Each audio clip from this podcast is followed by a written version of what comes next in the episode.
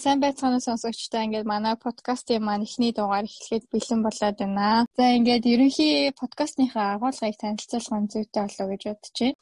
Ерөнхийдөө бол тэгэл Science News подкаст шүү дээ тийм ээ. 7 хоногтой ч юм уу тухайн жилдээ ч юм уу гарсан шинжлэх ухааны эсвэл сонирхолтой янз бүрийн нээлтүүд эсвэл шинээр гарч иж байгаа ямар ямар шинжлэх ухааны топикүүд байна. Түүний талаар уншаад Нью-Йорк Таймс ч юм уу те том том мэрэгжлийн сэтгүүлүүдээс уншаа тэгээд ярилцдаг тийм л подкастыг шийдсэн байгаа. Ер нь өөрсдөө танилцуулан явцсан дээр бах те. Хин блэ өөрийн чинээр хин блэ хаан сурдаг үлээ тэр тухайга. Харин тийм. Ам за намайг Баянбалтын халууна гэдэг. Би Америкийн Айогийн сургуульд эсийн биологийн чиглэлээр докторийн зэрэг хамгаалж байгаа юм оюутан байна. За өөдий маань өөрийгөө танилцуулах уу? Намайг Бацаахны од хоёр гэдэг Америкийн нэгдсэн улсын Миннесота мужийн Миннесотагийн улсын их сургуулийн сургуульд боловсролын ухааны докторийн зэрэгээр сурж байгаа оюутан. Аа, боловсролын ухааны доктор гэсэн чинь бас аяга гой сонсогч шүү. Монголоор хэлвэл илүү гоё байгаа шүү дээ. Англиар бол тийм ээ. Аха. За ингээд эхний дугаараар Хоёлаа ямар сэдв бэлдсэн байгаа лээ? За эхний дугаараа бол хоёр сэдвийн тухай ярина. Ерөнхийдөө бол одоо би нэг сэдв одоо халиуна маань нэг сэдвүүдээ яриа явах байгаа. Өнөөдрийн сэдвэр бол би бол Неандерталс гээд одоо хүн төрхтөнч гэдэг юм уу те эртний хүн гэдэг юм уу ийм хүний тухай одоо бүлэг хүмүүсийн тухай ярина харин чи болохоор юуны тухай ярих вэ? За аюу сонирхолтой сэдв байна. За би болохоор өнөөдөр дэлхийд дахинд одоо аюул тулгараад би нөгөө коронавирусын цар тахлын үед хүмүүсийн толгойд хамгийн их асуудал болоод байгаа вакцин хизээ хийгдэх вэ? Вакцин хэрхэн хийгддэг вэ? Хизээ одоо ард түмний гар дээр вакцин очих вэ гэдэг талаар бол ярих гэж бодож байна. За за вакциныхаа тухайд вакциныхаа тухайд тэгвэл ярих дөө тий. За тэгээ за вакцин гэхлээр вакцин гэж юу вэ гэдэг тэгэхээр вакцин маань өөрөө тухайн өвчнийг үүсгэж бий бичил биетэн одоо бидний мэдих мэдхээр вирус тийм ээ. Вирусын одоо хуруу чанарыг нь бууруулад а мөн итгэхгүй бодгсон хэдий ч одоо дархлааны тогтолцоог дархлаа тогтоох чадвар бүхий хийм биологийн ийм нэгдсэн бэлтгэлийг бол вакцин гэж нэрлэдэг байгаа.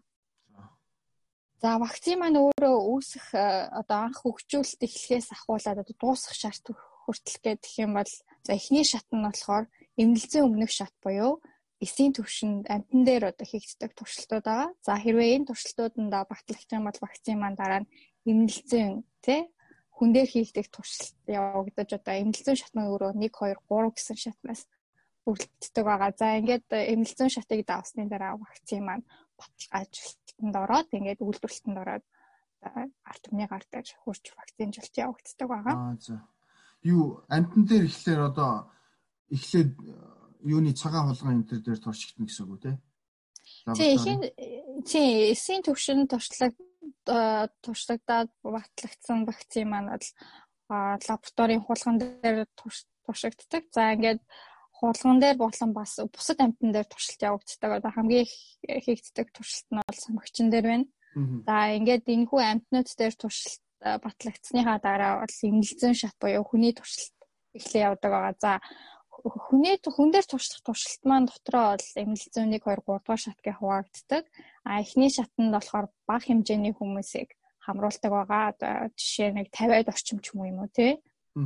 Аа тэгэж одоо эмнэлзэн шатан тэгэж туршилтыг явуулсны дараагаж хэрвээ тухайн одоо хүмүүст вакцин маань амжилттай тархлаа тогтоогоод ямар нэгэн өвчлөлийн одоо муу үр дагавар байхгүй юм бол дараа дараагийн 2 дахь 3 дахь шат руугаа ордог байгаа. За 2 дугаар шатанд болохоор арай олон хэмжээний хүмүүсийг хамруулдаг. Бол 3 дугаар шатанд бол 100000-аас дээш маш олон тооны хүмүүсийг хамруулах шаардлагатай байдаг.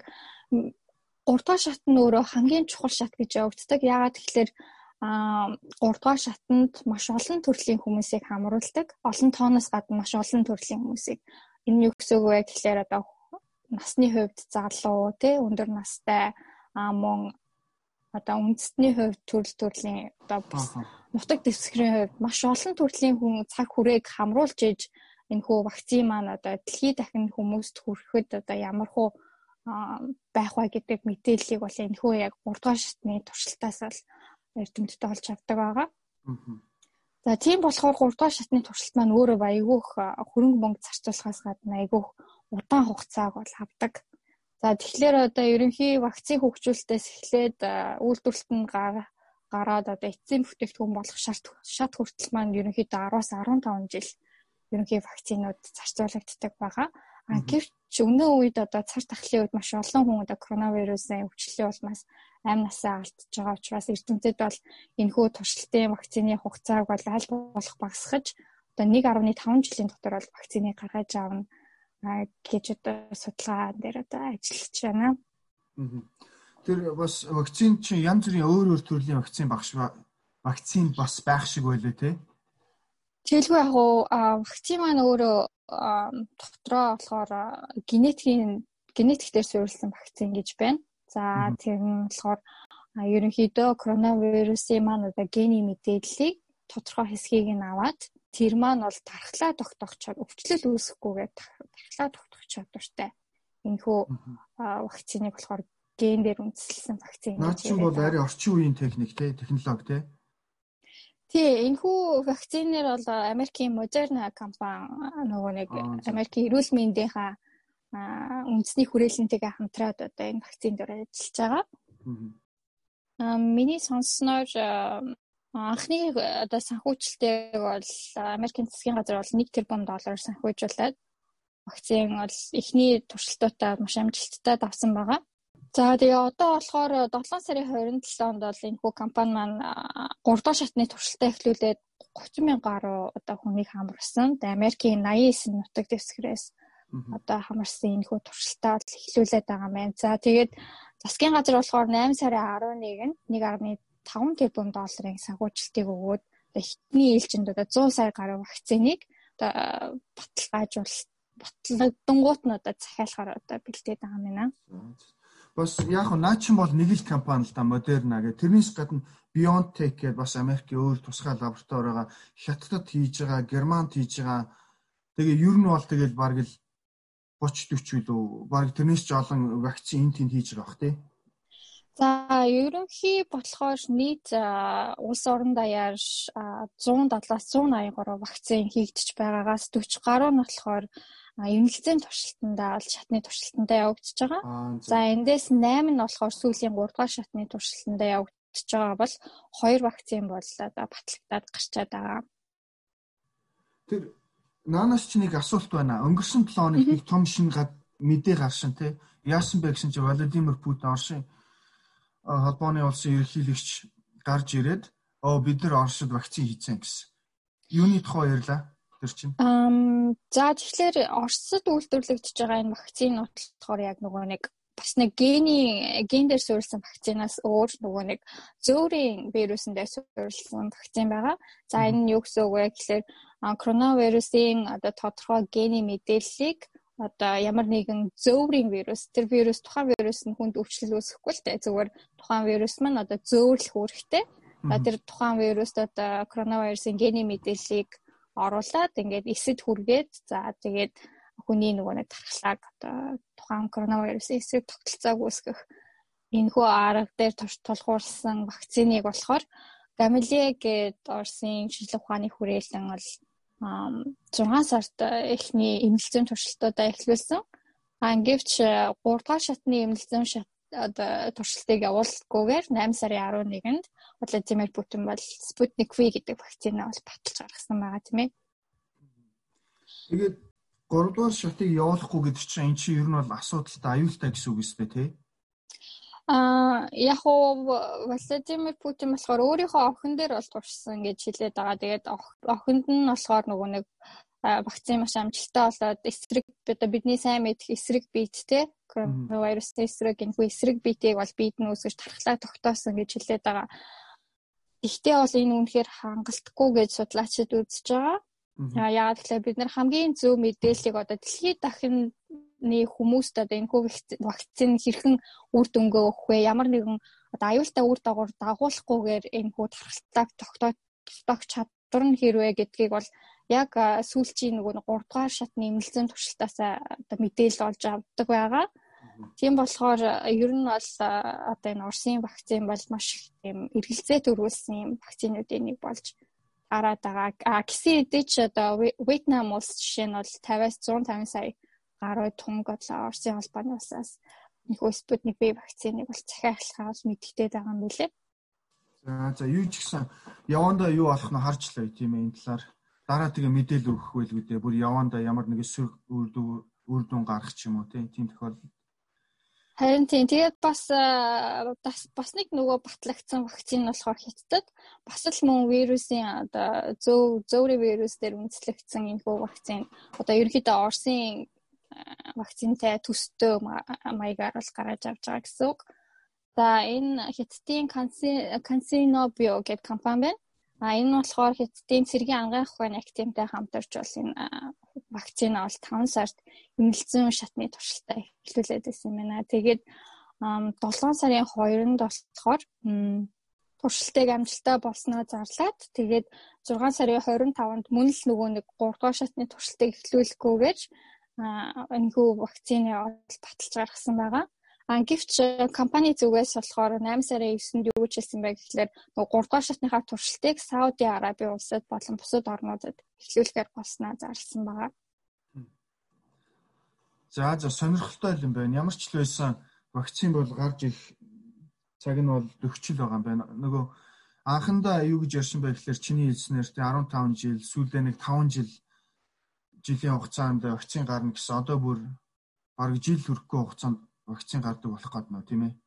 Энэ аха технологийн дэвшлээсээ болж гинөө эсвэл нөгөө нэг вакцин гарах чи янз бүрийн нөгөө нэг албан байгууллагуудаар зөвшөөрөлж зөвшөөрөл авч шат үе шат дамжиж явдаг. Тэрийгэ багасгаад байна уу? Аа энэ энэ болохоор ерөнхийдөө айгүйх тулгамдсан асуудал учраас одоо нөгөө нэг туршилтуудын одоо хүн дээр туршлагдах эмнэлэг зүүн 1 2 3 дугаар шатаа ерөнхийдөө бол зэрэг зэрэг хийгдээд явж байгаа гэсэн үг. Аа тэгээд туршилтанд явж байгаа хугацаанд бас үйл төвлөлтөй хийж хийж эхэлж байгаа.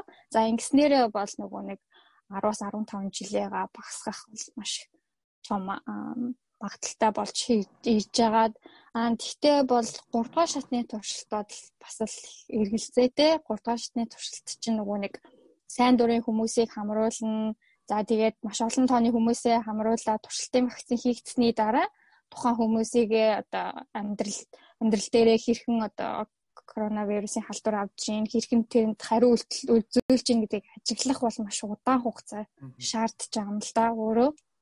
Тэгээ одоо хүмүүс чинь болохоор нөгөө нэг маска зүүгээд туршилтанд орсон хүмүүс гэртээ карантинлаад ирэхээр вирусэнд халдвар авах магадлал нь айгу буураад эхэлж байгаа. Тэрнийхээ хэрээр нэг туршилтын маань хугацааг бас удаашруулж байгаа юм л да. Аа за. Ойлголоо ойлголоо. Удаан л юу байд юм бэ? Процесс байд юм байна. Тэгээ эрдэмтэд одоо яг ямар судалгаа гэлөө одоо бусад бас вакцин хийж байгаа компаниуд юу гэж үзээд байгаа гэхэлэр нөгөө нэг хяналтын журмаар халдваржуулсан туршилтуудыг одоо 3 дугаар шатанд явуулах зүйтэй юм а гэж үзээд байгаа. Энэ нь юу гэсэн үг вэ гэхэлэр нөгөө нэг сайн дураар туршилтанд орсон вакцинжуулагдсан хүмүүсийгээ одоо албаар халдварлуулсан гэсэн үг шүү дээ. Нөгөө коронавирусаар одоо хамруулуун цацаад ч юм уу тий. Тэгэж албаар халдварлуулсны дараа хэрхэн одоо туршилтанд орж байгаа вакцин маань тэр эсрэг биетийг үүсгэж тархлааг тогтоож тогтоож байна. Одоо хүчил ямар байна? Одоо янз бүрийн муу урт дагавар байна уу гэдгийг бол ажиглах тийм одоо бас тэр туршилтын хугацааг богиносох айгүй тийм бас нэг арга байгаад байгаа юм. Гэхдээ энэ арга маань бас нэг бодлын аюултай. Ягаад гэвэл энэ коронавирусаар өвдсөн хүмүүс маань эмчилгээ гэж зүйл байхгүй байгаа шүү дээ. За миний сэдв болохоор Неандертал гэдэг нөгөө хүн төрх төрхтөнч гэдэг юм уу. Тим одоо одоо хоминид гэж яриад байгаа. Тим хүн төрхтний тухай ярих юм. Тэгээд энэ Неандертал гэдэг энэ хүн төрхтөн маань ковид 19 энэ юутай бас холбогдож байгаа байхгүй. Яаж холбогдож байна вэ гэхээр ойролцоогоор нэг 4 сарын өмнө тийм шинжлэх ухааны шинжлэх ухааны артикл гарсан New York Times дээр юу гэж гарсан бэ гэхээр хоромсоом 3 гэж байгаа. Жишээлбэл одоо хүн болгон хүн чинь нэг 23 хос хоромсоомтой шүү дээ тий. Тэрний хоромсоом 3 болохоор Неандерталаас үүсэлтэй юм л да. Неандерталаас үүсэлтэй гэдэг нь хэдэн мянган жилийн өмнө хүн хүн гэдэг чи одоо Homo sapiens тий. Homo sapiens Neanderthal хоёр хоорондоо одоо тэг үржээд ингээд хүний биед Неандерталын одоо хоромсоомууд янз бүрийн генүүд байдаг гинэ. Тэгээд тэрний хоромсоом 3 гэдэг нь болохоор Неандерталаас ирсэн гэж үздэг юм байна. Тэгээд а я чи юм бодож ирсэн одоо жишээлбэл самгчин ч юм уу тий орангутан ч юм уу янз бүрийн самгчингууд болохоор а ковид өвчнгөөр бол халдварлагдгүй харин хүн халдварладаг гэж байгаа байхгүй. Аа. Яагаад хүн халдварладаг вэ гэдэг талаар бодж үзсэн үү? Тий, тэрийг өстой сонсож байгаа юм биш үү? Харин тэрний тайлбар нь бол неандерталын ген одоо хоромсон 3-тай л холбоотой юм байна л да. Бид нар хоромсон 3-ыг Неандерталаас авсан болохоор тэр хоромсон 3 гэдэг нь болохоор коронавирусанд одоо susceptible гэж ярьдаг шүү дээ тий. Одоо одоо эмзэг эмзэг тийм л гэж үзээд байгаа юм байна л да. Чи ер нь Неандертал гэдгийн тухай урд нь сонсч ирсэн үү? Сонсож байгаагүй байна. Тэгэхээр э, хүн төрөлхтөндөө нэлээд ойролцоол юу байна шүү дээ тий. За тэгвэл товч мэдээлэл өгөх юм бол ер нь бол Charles Darwin ч гэдэг юм уу те evolutionary on эн чинь бол шинжлэх ухааны одоо суурь онол шүү дээ биологийн ч гэдэг юм уу те энэ онолын дагуу бол Neanderthal болон хүмүүс Homo sapiens нэг 6 100 мянган жилийн өмнөх өмнө одоо shared common ancestry гэж хэлээд байгаа. Одоо нэг одоо өвөг дээдтэй нэг өвөг дээдтэй 600 мянган жилийн дараанаас ингээд салаад хид хідэн одоо хүний үүслийн онлоор бол нэг 200 мянган жилийн өмнө 150 мянган жилийн өмнө бол хүн төрөлхтөн Homo sapiens бол Африкаас бол нүүдэлж одоо эхлээд Middle East гэж яриад байгаа одоо Ирак ч юм уу те Йемен ч юм уу тийм улсуудад байгаа. Тэгээ тэндээс 2 3 салаад зарим нь болохоор Аз руу зарим нь болохоор Европ руу нүүсэн гэж явж байгаа. Энэ хүмүүс маань бидний өвөг дээдс маань Европ руу Аз руу ингээ нүүх замдаа эсвэл тэндээ очисон хойноо энэ тусгай нэг өөр өөртөөгөө төстэй тийм хүн төрөлхтөнтэй таарсан. Тэр нь болохоор неандертал гэж үзээд байгаа. За хэд бол хүн төрөлхтөн болон неандерталууд нэг 100 мянган жил орчим ч юм уу те нэг дор ингэ цуг байсан гэж байгаа байхгүй. Тэгээд 99.7% одоо ДНХ-гийн мэдээлэл бол хүн болон неандертал хоёр адилхан. За дээрээс нь орчин үеийн хүн а нэгээс нэг 4% орчмын одоо неандерталын ДНЭ-г өөртөө агуулдаг гэж үздэг юм байна. Мөн дээрээс нь неандерталч өөрөө бас дотор 2 3 бас төрөл байна л да. За тэр Аз, Европод байдаг неандерталууд гэж үзэж чинь. Тэр нь болохоор ерөөхдөө бол нэг том биетэй хүний толгоогоор бол хүмүүс хүнээс том тэгээд илүү тийм одоо маскулер гэж үздэг булчинлаг тийм одоо хүн төрхтөн байна гэж үзэж байгаа. Түүнээс гадна Denisovans гэдэг өөр төрлийн неандертал байна. Тэр нь болохоор одоо Сибирийн нэг агуугаас олдсон тийм нэг хүүхдийн гар бас чигчийн уруу байгаа байхгүй. Тэр чигчийн урууг нь одоо ДНХ-гийн sequence гэж ярьдаг шүү дээ. ДНХ-гийн задлаад ингээд үзэхлээр тусгай өөр төрлийн бас неандерталын тийм төрөл байна гэж үзээд байгаа. Тэгээд тэр нөгөө олсон хүнийх нь нэрээр нэрлээ Denisovans гэдэг тусдаа бас энэ неандерталын төрөл гэдээ гаргацсан байна. Тэгээд ер нь бол 3 4 төрлийн неандерталын төрөл байд юм байна. Тэгээд хүмүүстэй одоо ингээд харилцаанд ороод ингээд бидэрт ингээд ДНХ-гээ үлдээсэн ийм өвгдөөц одоо өвгдөөцл гэж ярина да тий. Ийм эртний хүмүүс байсан байна. Тэгээд ер нь бол маш сонирхолтой сэдвэлтэй. Жишээлбэл би бол урд нь ерөөсөө хүн төрөлхтөн өөр адилхан одоо ижир төрлийн ийм хүн төрөлхтөнтэй хамт ингэж амьдарч ин гэж ерөөсөө төсөөлж байгаагүй байхгүй юу? Ерөнхийдөө тэгээд одоо бидний өнөөдөр вирус аваад байгаа шалтгаан манад Нидерланд дас ч болоод байгаа юм шүү. Одоо бол тийм л болж таарлаа. Жишээлбэл бол Неандертал одоо хүмүүс ДНХ-гээ үлдээсэн байна гэж сайн талаар зарим ДНХ үлдээсэн байна. Муу талаар бас сайн ДНХ үлдээсэн байна. Жишээлбэл сайн тал нь их юм бол одоо өвчнийг янз бүрийн одоо ковидаас гадна одоо янз бүрийн өөр өвчнүүд байгаа шүү дээ тий. тийм өвчин өвчнөд тэмцэхэд бас туссан гэж юм. Дээрээс нь одоо Homo sapiens чинь дөнгөж одоо Африкаас гараад шинэ орчин нүүж ирэхэд Неандерталын жишээлбэл хүйтэн төсвөртэй байдал ч юм уу те эсвэл одоо агаар одоо өндөр уулын бүсэд амьсгалах одоо агаарыг бага оксижен хэрэглэгч гэдэг юм уу тийм ДНХ нь бас нөлөөлсөн гэж юм. Жишээлбэл одоо төвдүүд дээр юу судалгаа явуулаад үзэхэд Неандерталаас автсан тийм одоо ДНХ нь сайнаар нөлөөсөн ч гэдэг юм уу те. Ийм сайн тал байна. Бас муу тал нь болохоор саяны хэлсэн ковид дээрээс нь болохоор одоо бид нар чинь жоохон суугаад ч юм уу хоол хийхээр тарлах ч юм уу те ийм сөрөг тал байгаа шүү дээ. Энэ сөрөг тал бол неандерталын бас зарим зарим ДНХ бидэрт байдагтай холбоотой гэж үздэг юм байна л да. Сайн мач өгсөн муу мач өгсөн юм байна шүү дээ. Тэгээд ерөнхийдөө дараа дараачийн дугаараар ч юм уу те бусад хүн төрөлхтний талаар бас хүний үүслийн талаар яванда ярих байхаа. Чамд өөр асуулт байна уу Неандерталтай холбоотой? Одоо архивын олт центр бол гарч ирдэг гэсэн үг үү тий? Тий одоо археологийн олд одоо жишээлбэл хамгийн анх бол 1800-аад оны дундуур тэр Францын тийм нэг айгүй урт нуртай урт нуртай тийм агуу байлаа. Тэндээс хамгийн анх олдсон гэж байгаа байхгүй. Тэгэж олдоод эн чи ямар шаны юм бэ? Ийм хүн шиг мөртлөө арай жоохон өөр ийм төрхтөн байд юм байна гэх. Тэгээд тэр үед Францын зарим эрдэмтэн бичиж эхэлсэн байгаа. За тэр за ийм хүмүүс олдлоо Неандертал гэж нэрлэеч гэдэг юм уу те. Хамгийн гол нь тэр үед юу гэж ярьсан бэ гэхээр юу гэж бичсэн бэ гэхээр за энийг хуучны хүн байна, хүний өвгд үйдс байна, жоохон ухаан муутай, том толгойтой, жоохон мангардууч гэх юм уу. Тиймэрхүү байдлаар их бичиж үлдээсэн болохоор одоо хүртэл бидний дунд Неандертал гэдэг нэр сонсхолоор жоохон мангардуу, жоохон том биетэй болчинлаг гэсэн тийм сөрөг тал их гарч ирдэг. Гэхдээ сүүлийн үе судалгаагаар болохоор Неандерталууд баг хүнээс дутхгүй ухаантай гэдэг нь бол батлагдаж эхэлж байна л да. Жишээлбэл одоо янз бүрийн Неандерталын хийсэн одоо чулуун зэвсгүүд гарч ирж байна. Дээрээс нь шашинтлагч юм уу те байж болох тийм олдцууд гарч байна. Жишээлбэл бол нас орсон өгсөн хүмүүсээ оршуулсан байна. Дээрээс нь нас орсон өгсөн хүмүүстэй зориулж янз бүрийн эд зүйл хийсэн байна ч гэдэм үү. За дээрээс нь Шанидар гэх тийм нэг том агуу байгаа юм. Тэр нь болохоор Иракт байдаг. Тэр том агуугаас бараг 10 хэдэн нэг дор тий 10 хэдэн тийм неандерталууд гарч иж байгаа байхгүй нэг гэр бүл ч юм уу эсвэл хоёр гэр бүл ч юм уу. Тэндээс юу гэж дүгнсэн бэ гэхээр маш олон тийм неандерталын одоо яснууд нь болохоор хугарсан бэрцсэн. За э, хугарсан бэрцсэн гэдэг нь болохоор одоо нас орохоос өмнө хугарсан бэрцэн гэж үзэж байгаа байхгүй юу.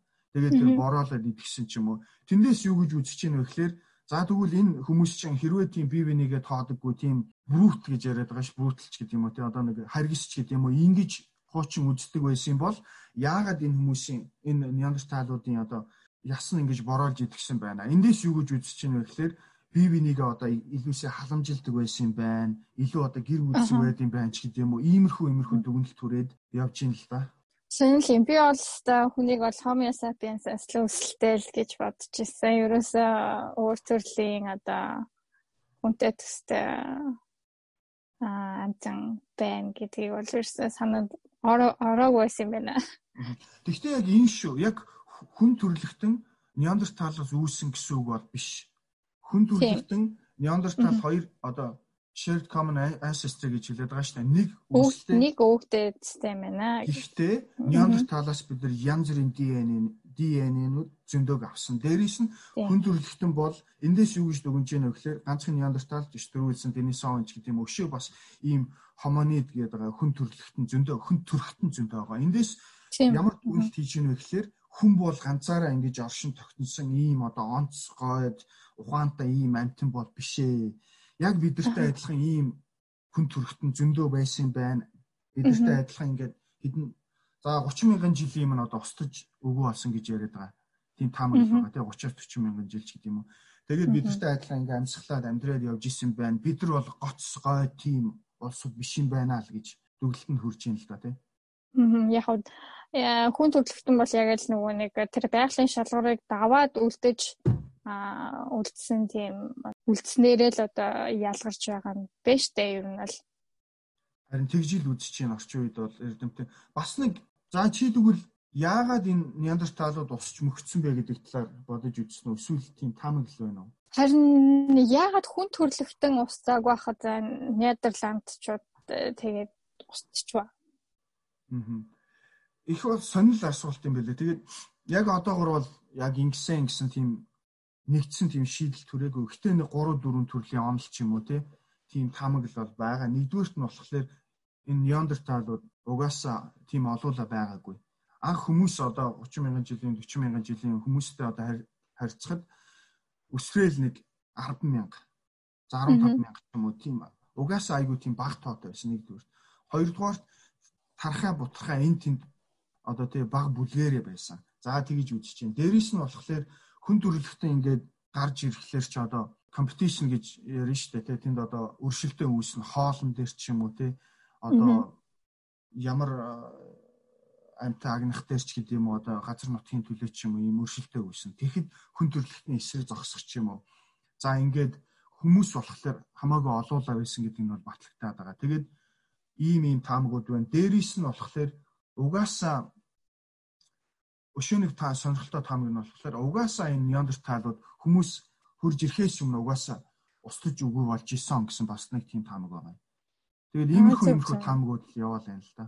Бас л сонирхолтой юм. Хэрвээ ямар нэгэн байдлаар устж үгүй болоод бид нартай зэрэгцээд амьдарч исэн бол бас бид нар бол яг ганц хүн төрлөختөн гэхгүйгээр одоо наачмал айгуу тийм сонирхолтой л юм л да. Яг бидний дунд өөр төрлийн хүн гэж нэрлэгдэх амтан байна гэхлээр тийм ээ. Аа. Өө өөр бас нэг тэр ДНХ-гийн талаар юм нэмэх юм арчиж Fox P2 гэж тийм тусгай төрлийн ДНХ байд юм байна л да. Тэр нь болохоор одоо нөгөө нуруундаа юм ястай амьтад байна штэ. Нуруундаа ястай амьтад ер нь бол байдаг одоо нохоо ч юм уу тий одоо шампанзе ч юм уу за тиймд байдаг. Тэр нь болохоор ерхийд бол дуу аваа гаргах чадвартай. Тэгээд Неандерталд бол тийм Fox P2 гэдэг тийм DNA байдаг илүү одоо олдчихтэй байна ч гэдэг юм уу. За тэндээс дүгнж байгаа юу дүгнэлт нь болохоор Неандерталууд бол ямар нэг хэмжээгээр бол хил яриа байсан байна. Одоо хүн төрлөختөн шиг ийм одоо нарийн биш гэсэн ямар нэгэн байдлаар бол ярьдаг байсан байна гэсэн тийм дүгнэлт нь өрөөд байгаа байхгүй юу. Аа.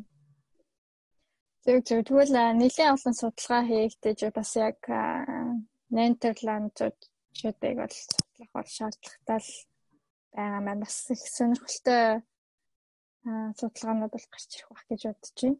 Тийм баха. Яваа явандаа энэ талаар бас шийдвүлээ ярих баха. За тэгвэл ингээд эхнийхээ дугаарыг өндөрлүүлэх үү? За тэгье. Ерхийдөө бол төлөвлөгөө юу байгаа л ер нь бол нэг 2-7 хоногт нэг подкаст бол гарна гэсэн бодолтой байгаа тий. Харин тийм. Аа. За за. За баяртай сонсогчдоо дараа дахиад подкаст хоёроор уулзъя.